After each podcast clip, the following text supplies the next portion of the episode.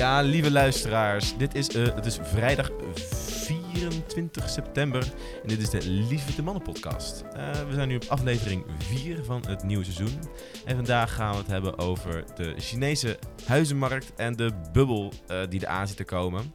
Die er is. Die er is, ja, de, de, de bubbel is er, maar die gaat een keer knappen natuurlijk. Hij staat op knappen, misschien. En dat gaan wij bespreken vandaag. Ja, China heeft, het gemiddelde, heeft gemiddeld de allerhoogste ratio van huizenprijzen tot inkomens. Ehm, en dat is allemaal niet zo gezond in een land waar eh, met afnemende uh, geboortecijfers uh, jongere mensen daar waarschijnlijk Nou ja, geen in China dingen kunnen kopen. gebeurt er eh, genoeg, laten we Dat het is zeker waar. Over genoeg over dingen die gebeuren in China gesproken. Krijn, je hebt een fantastisch mooie anekdote meegenomen uit het land. Het land van... Het, het land der economische wonderen. Niet een reis en zon, hè? Dat is Japan. Ja, ik ben... De Middle Kingdom. de, de Middle Kingdom. Ja, deze week in het eh, opmerkelijk nieuws. Eh, het is een beetje oud nieuws. Volgens mij heeft iedereen dit al honderdduizend keer voorbij zien komen. Maar kinderen mogen in China nog maar drie uur per week gamen iedere dag van het weekend. Dat is de enige dag dat het mag. Alleen tussen 8 en 9. En ehm, bedrijven moeten er ook op toezien en de identiteit van kinderen controleren voordat ze online mogen gamen. Ja, dat is de volgende stap in het, eh, het socialisme van eh, Xi Jinping. Ja, maar het is ook wel een beetje de Chinese cultuur van het super competitief zijn en super veel tijd in je school moeten gaan besteden. En wat Rao ook net uitlegde eerder voor deze podcast over het Chinese 996 pr- werkprincipe. Dus 9 tot 9 op per dag en dan 6 dagen in de week. En dan in, dat, in die werkcultuur en die werkprincipes met die competitieve streverskwalite- eh, streversmentaliteit. Druk die mensen En- ervaren. En dat creëert ook een bepaalde hoeveelheid druk. In die, in die cultuur is het, krijg je natuurlijk het idee van... Nou, dat is het niet alleen hoor. Het is ook. eh, in, eh, in China worden gamers uitgemaakt voor heroïne of opiumverslaafden en zo. Dat heeft ook geen historische connotatie of zo. eh. opium is een gevoelig punt opium in China. Chinese geschiedenis. nou ja, maar, er is nog eh, een klein oorlogje om gevochten, heb ik gehoord. maar dit, gehoord, je ja. ziet gewoon weer de nieuwe, de nieuwe trekjes van het, eh, het regime van Xi. Maar daar gaan we het vandaag niet heel lang over hebben. We gaan het hebben over Evergrande. En wat het representeert in de, in, in de bredere eh, Chinese woningmarkt. Ehm nou, Evergrande is de allergrootste woningontwikkelaar. Projectontwikkelaar. Vastgoedontwikkelaar van. China. Eh, en er is dus achter. En eh, die eh, hebben dus ontzettend probleem met het aantrekken van, eh, van, nieuwe, van nieuw kapitaal. Eh, en dat heeft ervoor gezorgd dat, eh wonen, dat investeringen. Op korte verlie- termijn al een verlies probleem zijn. met het betalen van rentes op de leningen die ja, ze hebben. maar ook gewoon huizen die niet uitbetaald, dus, die dus niet op, die, investeerders die hun geld tra- kwijtraken, bouwvakkers die hun geld niet krijgen. De, de- een gigant, de allergrootste, ook, de allergrootste Chinese eh, lener in het buitenland, staat om omvallen. En hoe, hoe is het zo gekomen? Nou, ze hebben, wat, ze, wat ze eigenlijk nog hebben, ze hebben gewoon een gigantisch groot financieringstekort. Eh, daar komt het eigenlijk op neer. Maar dat financieringstekort tekort is eigenlijk ehm, Dat heeft Evergrande. Evergrande, ja. Want ze, kunnen, ze, ze hebben gewoon geen... Voor mij vandaag of morgen valt de deadline wanneer ze voor de maand september... Vandaag was al een, eh, een deadline voor 83 miljoen dollar. Ja, ze moesten, dat, is de, dat is de rente over hun lopende leningen die ze hebben, moesten ze vandaag afbetalen. Als ze vandaag die deadline niet zou halen, zouden ze nog 30 dagen hebben. En dan eh, zou de, de schuldeiser zou dan naar de Chinese rechter gaan. En die Chinese rechter zou dan een faillissement, eh, aanvraag starten. En dan zou het bedrijf dus een faillissement aangaan.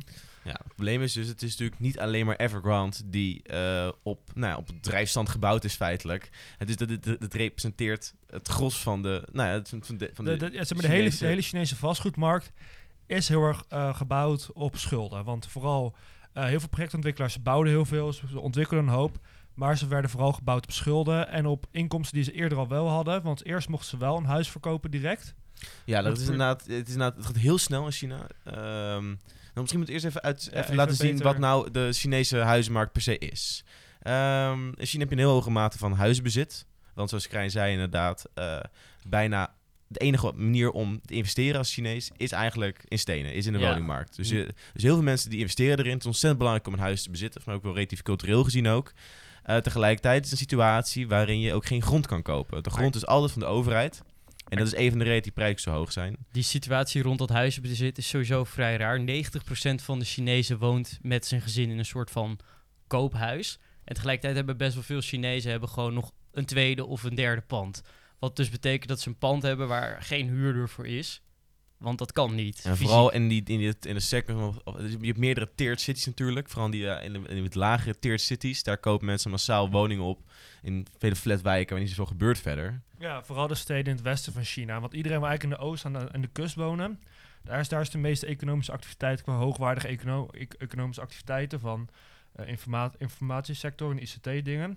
Dus daar, willen, daar is juist de huizenprijs heel hoog. En iedereen wil daar wonen en werken, omdat daar gewoon goed te verdienen valt. En er is gewoon goed. Maar iedereen wil ook lappen voor zijn huis. Want een Chinees kan, als hij spaargeld heeft, kan het nergens kwijt. Want Nee, er is een ban op crypto's, die kan hij niet kopen. Er is een aandelen is zeer beperkt. Dan mag je eigenlijk alleen maar Chinese aandelen kopen. Ah, Maar in alleen 2015 is er een gigantische crash geweest op de Chinese aandelenmarkt. Waardoor Chinezen daar geen vertrouwen meer in hebben. En eigenlijk niet hun geld in Ah, Chinese aandelen durven te stoppen. Ze kunnen niet in buitenlandse bedrijven investeren. Want er zijn te veel regels voor ja, voor kapitaalstromen naar het buitenland, waardoor ze dat ook niet kunnen.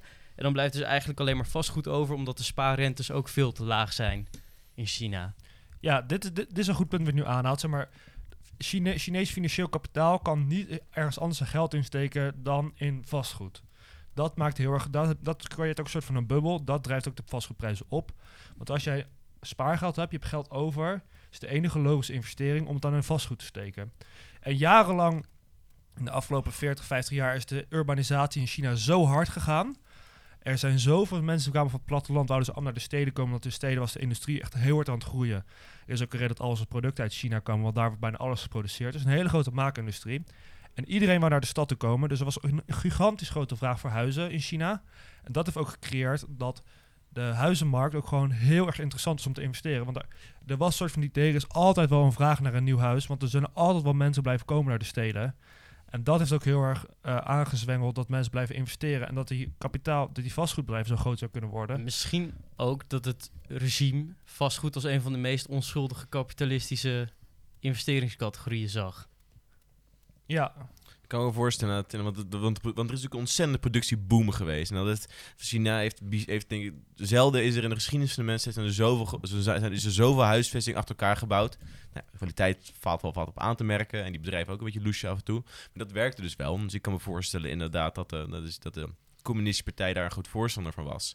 Maar je ziet het inderdaad nu dat een, een, woning, een, een, een, een, een, eh, woningbouwmarkt gebaseerd op eh, de aanname inderdaad dat men massaal nog van het platteland komt naar de steden. Dat er een verstedelingsgolf is en dan enorm hoge economische groei. En dat je dus eh, eigenlijk eindeloos kan bijbouwen en eerdere kosten kan dekken met nieuwe, met, met, met nieuwe inkomsten. Eh, en ook een, een systeem waarin dus huizen al verkocht werden voordat ze gebouwd werden. Eh, dat leidde natuurlijk tot, een ontzettende explosie van, van huisvesting. Ehm, en nou, ja, die prijzen stijgen nog steeds. Maar het is waarschijnlijk, eh, ik merk nu, dat dus de, dat, dat, dat is dus een bubbel aan staan. Dat die huisprijzen overgewaardeerd worden. Maar tegelijkertijd de reële economische omstandigheden die zo'n bubbel in stand moeten houden. Namelijk hè, een blijvende toestroom naar de stad. En blijvende economische groei. Die blijft achter. Ja, want China heeft natuurlijk jarenlang één kindpolitiek gevoerd. Eh, dat is eigenlijk sinds in de jaren 70, jaren 60 is ingevoerd door de Chinese overheid, door de Chinese staat. En dat is eigenlijk heel erg beperkt dat de bevolkingsgroei heel erg ingeperkt werd. Dus nu is 1,4 miljard mensen. En het zal niet heel hard meer blijven groeien. Het is eerder verwacht dat het alleen maar gaat krimpen, krimpen, Ja, en de krimpen. verstedelijking is al bijna En afgerond. i- iedereen is van naar de stad toegetrokken. Het platteland is vrij leeggelopen. Of ja, leeggelopen, gewoon in het platteland zijn ook gewoon miljoenen steden ge- gecreëerd door de, door de Chinese overheid. Dus iedereen woont wel in de stad. Dus de trek naar de stad is een beetje over. Het is een beetje af. Ja, nee, Dus de steden ja. zijn een soort van ook wel vol. Ze zijn afgebouwd. Dus al die gigantische grote, eh, die grote eh, woningbouwprojecten in de Chinese steden, die zijn niet meer nodig. Nou ja, kijk, ik moet toegeven, in de grote oostelijke eh, Nee, in de Chinese oostelijke steden, daar is... ja, wel. Ja. Daar, kijk, ook omdat mensen van, vanuit, vanuit de steden, vanuit het westen, vanuit echt het midden van China, naar de oostelijke steden, zoals Ja, Shanghai. gewoon, men trekt gewoon naar de grote steden, Ja, zeg maar. trekken Maar een aantal grote steden blijft nog steeds wel relevant. Maar daar zie je inderdaad dus dat die huizenprijs die gemiddeld heel hoog is, eh, die, in die grote steden, die trekt ook de huisprijzen in eh het al onrealistische plekken ook omhoog. Dat Ja, is dan klopt. een nationale superhoge huizenprijs. En dat zorgt ervoor een tijdbommen. Hè? Enerzijds zeg maar een huisprijs die superhoog is. Hè? En De gemiddelde Chinees, de gemiddelde, de, het gemiddelde Chinees die eh, moet 30 jaar werken zonder te eten voor een gemiddeld huis. En in de grote steden is dat een, is dat een, is dat een factor van, van 60. Dus in Beijing Ja. moet iemand 60, hey, in Guangzoo, nee, in Shenzhen, moet iemand 60 jaar werken om een gemiddeld huis te kunnen betalen. Terwijl je kan, en dat is dan zonder enig eten daarnaast. Dus al je inkomen gaat dan naar je woning. Dus het is onmogelijk om ooit je huis af te betalen. Nou, dat is een, dus, dit- en dus je ziet een, het is een, situatie waar dus economisch eh, z- zijn er in het verleden ontzettende winsten behaald door bedrijven die zichzelf met heel, eigenlijk met een, heel, met een hoop schulden, weinig liquiditeit, ehm, eh, eh, eigenlijk op hun eerdere schulden he- hebben gebouwd.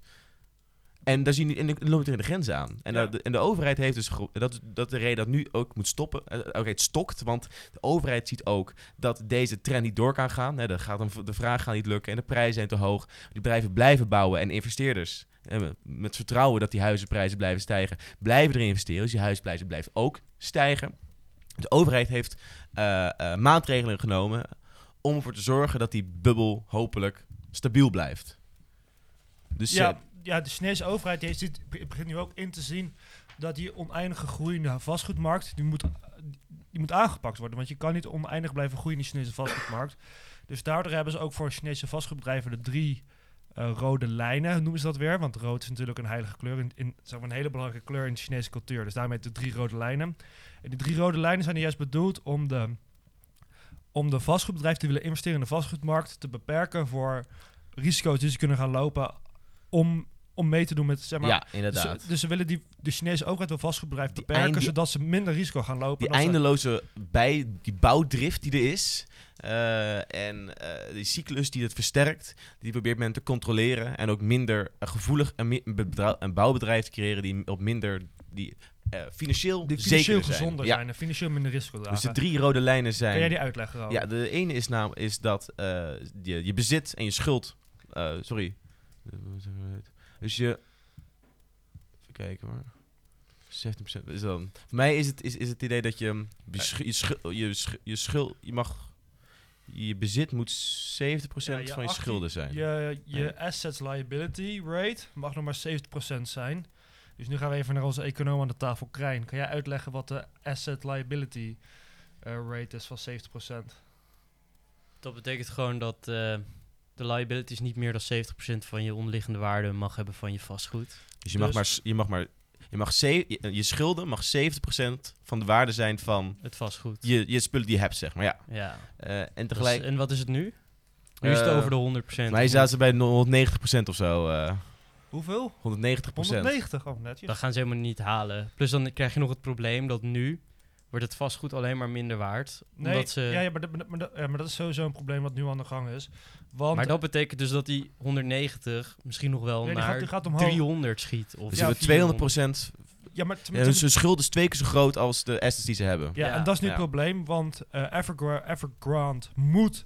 Het is, het is het grootste vastgoedbedrijf van China, maar het moet ook gewoon eh, inkomsten genereren heel snel, omdat ze die rente moeten afbetalen. Dus ze zijn nu met echt met gigantische tempo, zijn nu allemaal woningen die, die af zijn, maar die eerst voor een hoge prijs op de markt zijn, allemaal voor een lage prijs met heel veel kortingen nu op de markt op aan het gooien. Ja, en ze hebben gewoon ook... Om gewoon heel veel eh, inkomsten, heel veel cash te genereren, om die rentes maar kunnen te betalen. Ja, ze geven het gewoon weg aan schuldeisers met een discount van 50%. Ze moeten gewoon Ja. die schuld af. Ze moeten echt van die schuld af. En dat is nu heel gevaarlijk. Want ze zijn een soort van eigenlijk hun assets, hun, hun bezittingen, hun huis aan het dumpen op de markt. Voor een vele malen lagere prijs dan ze eigenlijk waard zouden zijn. Omdat natuurlijk de huisprijzen hoog daar zijn. Dat trekt eigenlijk de hele markt weer omlaag. En dat had ook die assets natuurlijk weer omlaag. En die schulden blijven staan. Dus dat ratio van, eh, van bezittingen tegenover schulden. Dat wordt alleen nog steeds maar nog een Ja. groter eigenlijk. Ja, precies. En verder is inderdaad... ehm even kijken hoor, net debt ratio. Dat betekent. Eh, sowieso inderdaad dat je dus, de, dus de, de korte termijn schulden mogen niet meer zijn dan de korte termijn cashflow. Dus allemaal, allemaal zaken inderdaad. Je moet een gezond bedrijf hebben. Waarin Ja, je maar- gewoon niet te veel schulden hebt. En ook al gaat het even slechter, dat je in ieder geval je, je, je korte schuldeisers kan terugbetalen. Zonder dat er het hele bedrijf in elkaar dreigt te storten. Ja, het idee van deze regels is dan gewoon om even voor, dus voor te zorgen dat de vastgoedbedrijven die in de toekomst vastgoed gaan realiseren en mee gaan bieden om de lease. Want dat zullen we ook zo nog even, dat zullen we ook nog even uitleggen. In China eh, word je nooit, ben je nooit bezitter van je grond. Nee, maar je leest de grond voor 70 jaar van de Chinese staat. Dus alle grond is in handen van de Chinese staat. Alleen je kan als, als bedrijf of als, of als eh, persoon kan je voor 70 jaar de grond leasen van de overheid voor een bepaald bedrag. En om, in het, om eh, nu om in de toekomst mee te mogen bieden voor de Chinese la- landleases, zeg maar, moet je aan deze nieuwe finan- financieringsregels voldoen. Anders ben je niet, eh, mag, je, mag je niet doorkomen door de selectie heen om mee te gaan bieden voor de Chinese landleases. Dus wat ze eigenlijk hiermee doen, de Chinese overheid wil eigenlijk hiermee realiseren dat alleen nog maar gezonde financiële eh, vastgoedbedrijven mee kunnen bieden met landleases. Ja, en, en, en die die is gezond het idee, wat dat ook, en het is ook eisen gemaakt nu. Dat gaat ook om de snelheid, waar eh, is ook het probleem, zeg maar. Want bedrijven die met eerdere schulden, bouwen ze gewoon heel veel bij. En ze hadden ook een, hadden ook een tendens binnen acht weken, dan hadden ze grond gekocht, hadden ze een project erop neergezet. In ieder geval hadden ze een plan gemaakt voor een project. Dan hadden ze al die woningen al verkocht. En dan hadden ze het geld weer binnen.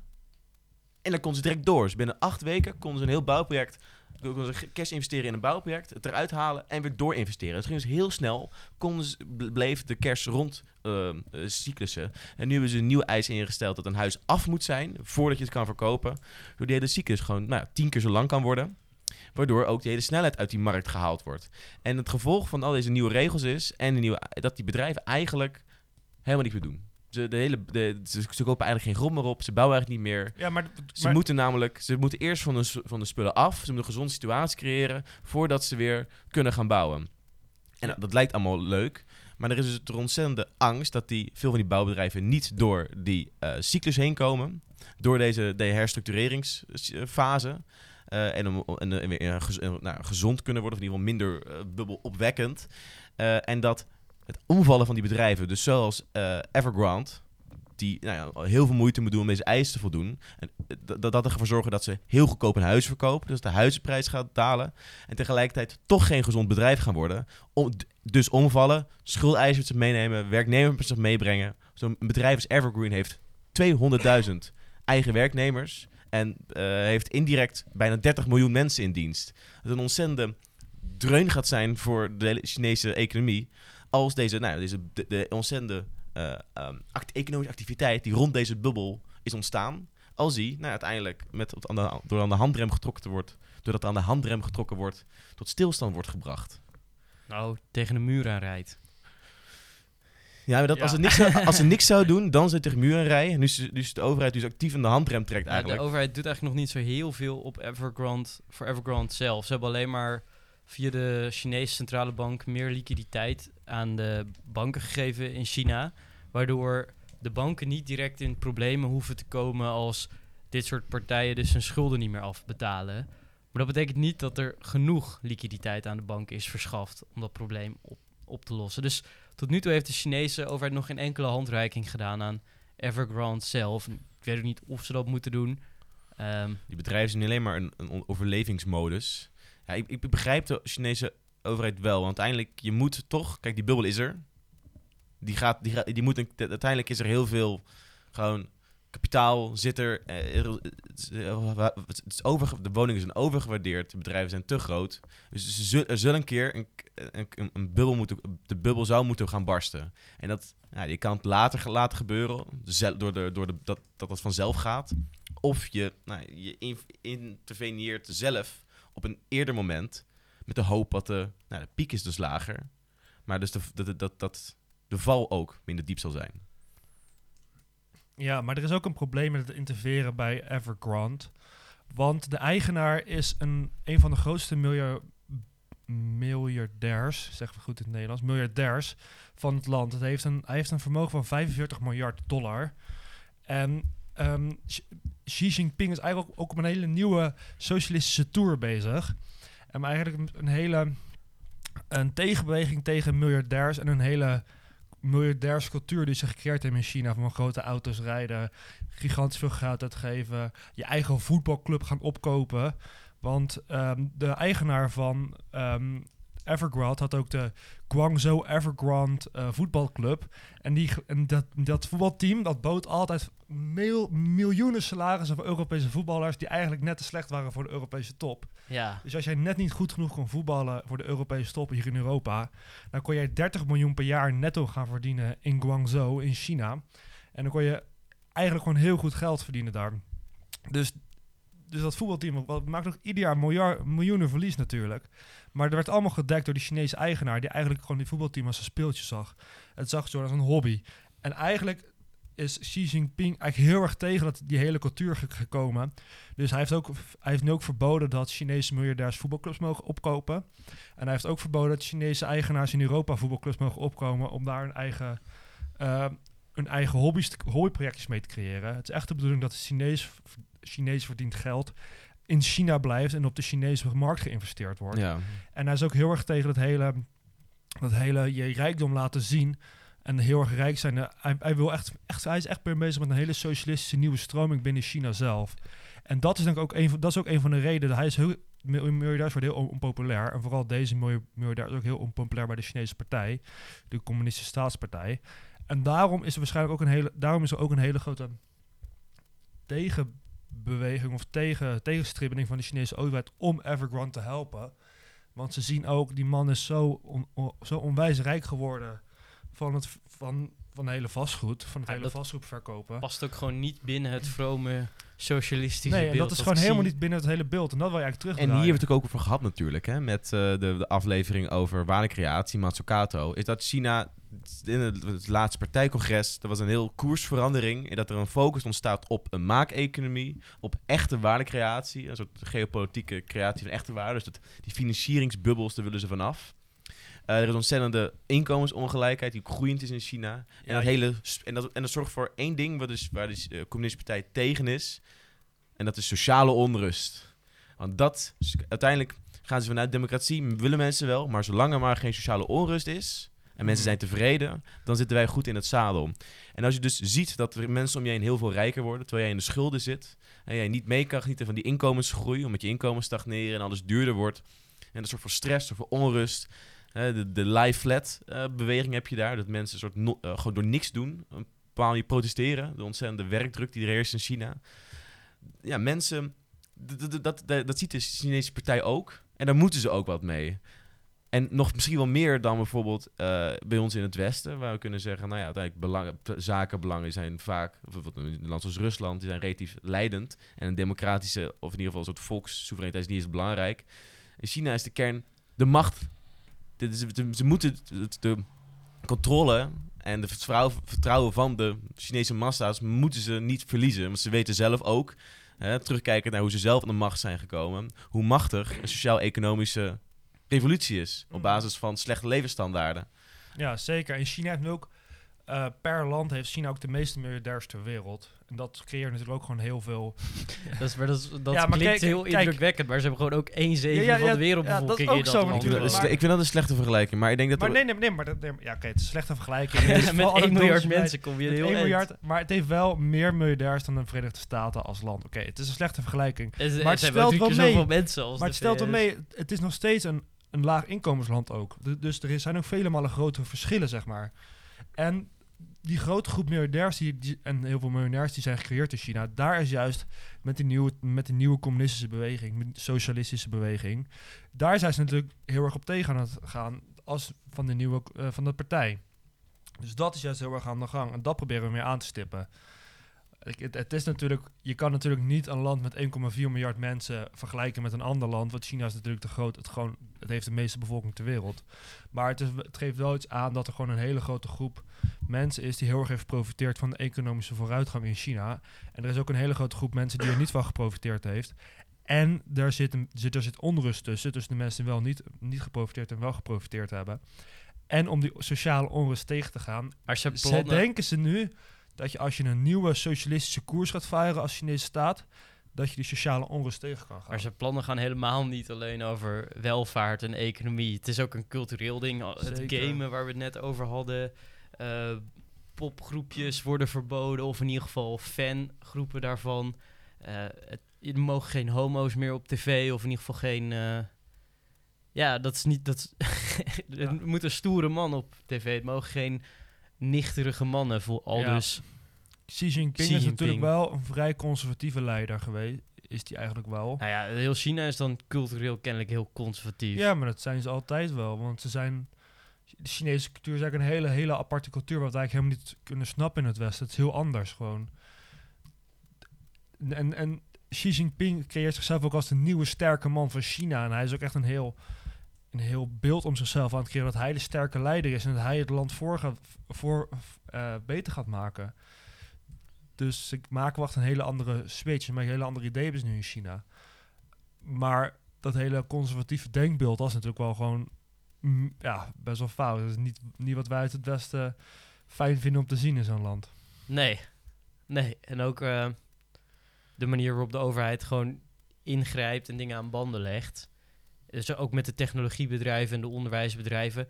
Want niet alleen de vastgoedsector en de huismarkt heeft het nu te doen. Maar ook bijvoorbeeld, eh, er waren heel veel soort van bijlesdocenten slash tutors... die privaat werden ingehuurd omdat het heel belangrijk is in de Chinese cultuur...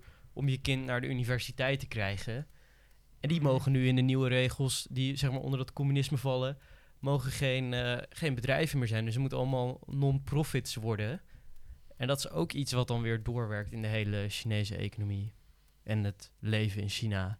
Het is misschien nog wel Ja, meer maar- een culturele Ze- ze- wending ze dan een zijn- economische wending. Ze, ze zijn nu echt wel op een, op een punt aangekomen, want er is een grote economische ongelijkheid. En maar die economische ongelijkheid creëert ook sociale ongelijkheid. Want als jij, als jij in China geld hebt, dan zorg je... Want het is natuurlijk een één-kind politiek is lang jonger geweest. dat is ja, niet meer. Dus nu, nu niet meer, want die is in 2015 afgeschaft.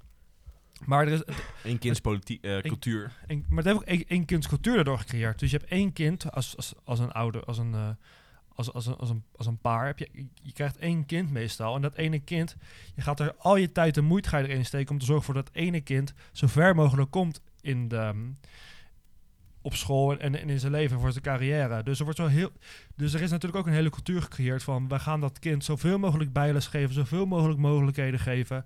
Om er maar voor te zorgen dat je kind naar de universiteit gaat en dat je kind succesvol wordt. Want het doel is dat je kind moet het beter hebben dan jij het hebt gehad in je leven. En om dat te realiseren, moet er eigenlijk. Wil je eigenlijk als ouder in China, wil je eigenlijk zoveel moeite en zoveel, zoveel, zoveel druk ook, erop leggen. Dat je juist ook die hele bijlessector gaat creëren, juist om ervoor te zorgen dat je kind juist naar de universiteit toe gaat. Dus dat dat aan banden gelegd wordt. Oké, maar, dus, maar met dat. Dus dat dus, dus, dus je zou dat. Je legt dan die bijlessector leg je aan banden omdat je eigenlijk weer eh economische sociale gelijkheid wil creëren. Dat iedereen naar hetzelfde onderwijssysteem gaat. Dat je het onderwijs weer wil centraliseren en iedereen moet hetzelfde onderwijs volgen. Maar ik vind dan, als je dan het game ook weer afschaft, dan wil je ook weer een soort van een meer competitieve slag maken op voor je nieuwe generatie. Nou, nu gaan we naar de bredere challenges breed. die China eh, eh, eh, meedraagt, die, waar, ze, waar ze last van hebben. Zeker. En dan misschien interessant om een losse aflevering te doen, Klopt. inderdaad, Nee. over hè, de nieuwe koers van Xi Jinping in China. Dit vind ik goed voor Maar jou, nog terugkoppelend naar eh, de huizensituatie in China. Het is duidelijk dat eh, China een hoop economische en sociale challenges gaat hebben. Hè, met een hoge schulden, hoop stress, hoop ontevredenheid. En een, en een partij die nou, economisch natuurlijk een doel heeft, maar ook vooral een politiek doel. Namelijk in de macht blijven en eh, een sterk China creëren dat niet eh, geopolitiek met zich laat zullen. Want je hebt die, die, hè, die, de eeuw van humiliation waar ze nooit vanaf willen. Ehm, maar dus die huizenmarkt. Er is duidelijk, er is een bubbel. Ze doen nu hun best om, die, beetje, nou ja, om iets vanaf te gaan. Gaat het, denk, gaat het, denken jullie, lukken? Gaat, komt China hier goed doorheen? Of gaat deze, nou, deze, deze woningmarktbubbel klappen? Gaat het snel gebeuren? En zo ja, ga- gaat het de e- Chinese economie meetrekken? Een soort van eh, huizenbubbel zoals in Japan ook het geval is geweest. En dat begin jaren negentig de Japanse economie klapte. En dat toen eigenlijk een einde kwam aan Japanse economische groei. ja, moeilijk. Ehm, Weet je nooit. maar die Japanse economische groei werd, niet werd gedeeltelijk beëindigd door de, door de bubbel, maar ook door verkeerd economisch beleid van de Japanse overheid op dat moment. Dus daar wil ik niet helemaal. Dat vind ik lastig terrein om daarover te gaan oordelen. Maar ik denk wel dat de bubbel gaat klappen, want het huidige systeem is niet houdbaar. Je hebt natuurlijk de landleases. De landleases worden uitgegeven door lokale overheden. De, om, om voor een vastgebruik van land te leasen. En dat eigenlijk is dat de enige inkomstenbron voor een lokale overheid. Dus de lokale overheid heeft als enige echte eh, prikkel om inkomsten binnen te krijgen, is om heel veel landleases uit te geven, om die heel veel weg te veilen. En dat is eigenlijk al een hele foute prikkel voor een lokale overheid om te stoppen. Want eigenlijk wil je zeggen tegen de, tegen de, tegen lokale overheid, je moet stoppen met bijbouwen, want we hebben al genoeg huizen. Want bijvoorbeeld in een, stad in het zuidwesten van China, Kunming, zijn eh, huizen gesloopt. Twaalf woontorens zijn er gewoon met de grond gelijk gemaakt. Omdat er in die stad, er waren te veel huizen. En, en er was gewoon, was gewoon gevaar voor een huizenbubbel. Dus je wilt eigenlijk tegen de lokale Maar overheid... daar misschien niet. Daar, nu niet meer. daar was het aanbod zo Ik groot. denk dat, die, dat, dat, dat het ene filmpje van een paar woonflats die gesloopt zijn, Nee, nee, dat het maar- ook niet, dat het niet, dat is niet... Nee. eh, dat zijn geen Nederlandse woonflats, hè. dat zijn eh, Chinese woonflats. Daar, Ja, eh, maar er is het, het Maar maar- wel van dat inderdaad er het zoveel kers klotst er rond. Dat het interessant is dat, dat, dat, er, dat je als wat bedrijf ook gewoon je eigen stok vernietigt om de prijs omhoog te houden, zeg maar. Ja. Het is toch ook een beetje dubbel inderdaad wat je zegt, dat, dat belang van Chinese lokale overheden om daar geld mee binnen te halen. En tegelijkertijd zie je dat alle particulieren in China die echt rijker zijn geworden Ja. in de afgelopen 30 jaar, die beginnen vermogen op te bouwen en dat willen ze ergens stoppen, maar dan kunnen ze nergens stoppen eigenlijk. Alleen maar Ja. in stenen. Dus Er zijn gewoon verschillende belangen die aan het botsen zijn tegen Ja, elkaar. en het is die vermogensongelijkheid die ook sterker wordt. Hè. Een deel van de mensen kan hier wel in meegaan. En deel ook, een groot deel ook niet. Nou en als socialistische regering, met de potenties tot een beetje socialisme natuurlijk, kan je dat niet aan je voorbij laten gaan. En daar zit er nu ook, daar, daar, daar je natuurlijk nu ook last van. Nee, je moet niet, het is natuurlijk zielig als, als, als, een, als een nieuwe middenklasse nergens niks heeft om in, om in te investeren, maar dat- denk die, af, die afwegingen probeert de Chinese partij natuurlijk ook eh, te maken. Nou ja, dat vraag ik me af. Ja, ze moeten wel, maar daar, maar dat is, dat is dus, dat is dat zijn dus de grote, grotere problemen voor de Chinese economie. ja, en dat is het hele programma van Xi Jinping dat hij nu aan het doorvoeren is, zeg maar, veel linkse koers. Een veel socialistische koers. Maar waar we terug gaan. Ik, als, maar als de, laten we zeggen, de bubbel barst. Hij klapt. Wat gaan wij in het Westen hiervan meemaken? Gaan wij ook echt iets mee. Gaan, gaan wij meegetrokken worden in, het, in, het, ehm, in die negatieve spiraal van de Chinese huizenmarkt? Zoals. Want in 2008 is de Amerikaanse huizenmarkt geklapt, omdat er ook een hele grote bubbel was. Toen zijn wij er wel heel hard door geraakt, hier in Europa. Gaan wij in het Westen nu wat meemaken als de Chinese huizenbubbel gaat barsten? Nou, dat is best denkbaar. Ik bedoel, in Nederland gingen, gingen Nederlandse, Nederlandse consumenten gingen veel minder uitgeven toen huizenprijzen daalden in Nederland, omdat ze het gevoel hebben minder welvarend te zijn en ze durven dus bepaalde aankopen niet te doen. Want stel dat je huis onder water komt te staan. Nou hebben ze in China hebben ze een andere manier van huizen financieren, maar eh, schulden zullen ze daar ook wel kennen. En Ja, je wel Hypotheekschuld is ook gewoon een bekend begrip. en je, je perceptie van wat je waard bent verandert ook. En mensen zullen toch voorzichtiger consumeren. En bijvoorbeeld alle concerns die luxe goederen verkopen, zoals eh, Louis Vuitton, Maison, Hennessy, LVMH. eh, Echt het gigant, grootste bedrijf van Frankrijk zo ongeveer. En alle Europese autobouwers zullen gewoon minder auto's gaan verkopen in China en andere luxe goederen. Ja, maar Tegelijkertijd hebben we waarschijnlijk als Europese bank echt wel exposure naar onder andere dat vastgoedbedrijf of Evergrande of een ander bedrijf dat eh, maar, maar vooral- kapitaal verstrekt aan de dat soort bedrijven. bankensector gaat natuurlijk geraakt worden, omdat daar heel veel schulden zijn door Evergrande. Ja, nou, we hebben daar sowieso ook wel exposure naartoe. Vaak zie je dat helemaal niet direct, maar indirect is het er sowieso. Ehm, dus ja, dat gaan wij ook merken. Ja, maar vooral onze, onze export naar China wordt sowieso al in banden gelegd. Want Europese auto's die, daar, die zijn al 2,5 keer zo duur in China dan hier in Europa. Omdat er zoveel belasting overheen gaat om eigenlijk de Chinese autobouwers te gaan stimuleren in aankoop. Maar, het Maar is een- dat- echt een, maar, ja, maar de Chinese, je- een autorijden is voor de Chinezen echt een heel groot statussymbool. En in wat voor auto je rijdt, dat er eigenlijk nog steeds heel veel hele grote vraag ernaar is. Dus ik ben wel benieuwd hoe dat gaat uitpakken voor, voor, de, voor de Chinese markt. Of, of die nou echt minder gaan verkocht gaan worden, of dat echt, of dat die er gewoon nog doorheen slaan. Ja, ik ben heel benieuwd. Het is natuurlijk wel, eh, kijk, die- huizenbubbels zijn mo- moeilijk te vergelijken tussen, tussen verschillende landen. Maar het gaat duidelijk zijn dat eh, dit wel eh, voor mindere economische groei gaat zorgen. Eh, financiering wordt lastiger, hoop kapitaal gaat verloren. Hoop onrust in- binnen op de Chinese markt zelf. En het is maar de vraag ehm, hoe goed nou ja, de, de grote groepen Chinezen het kunnen gaan handelen dat hun, dat hun, spaargeld weggaat. Want uiteindelijk, het is geen hoog... Het is een medium income, een- middle income country. Het is, mensen verdienen echt niet zoveel daar.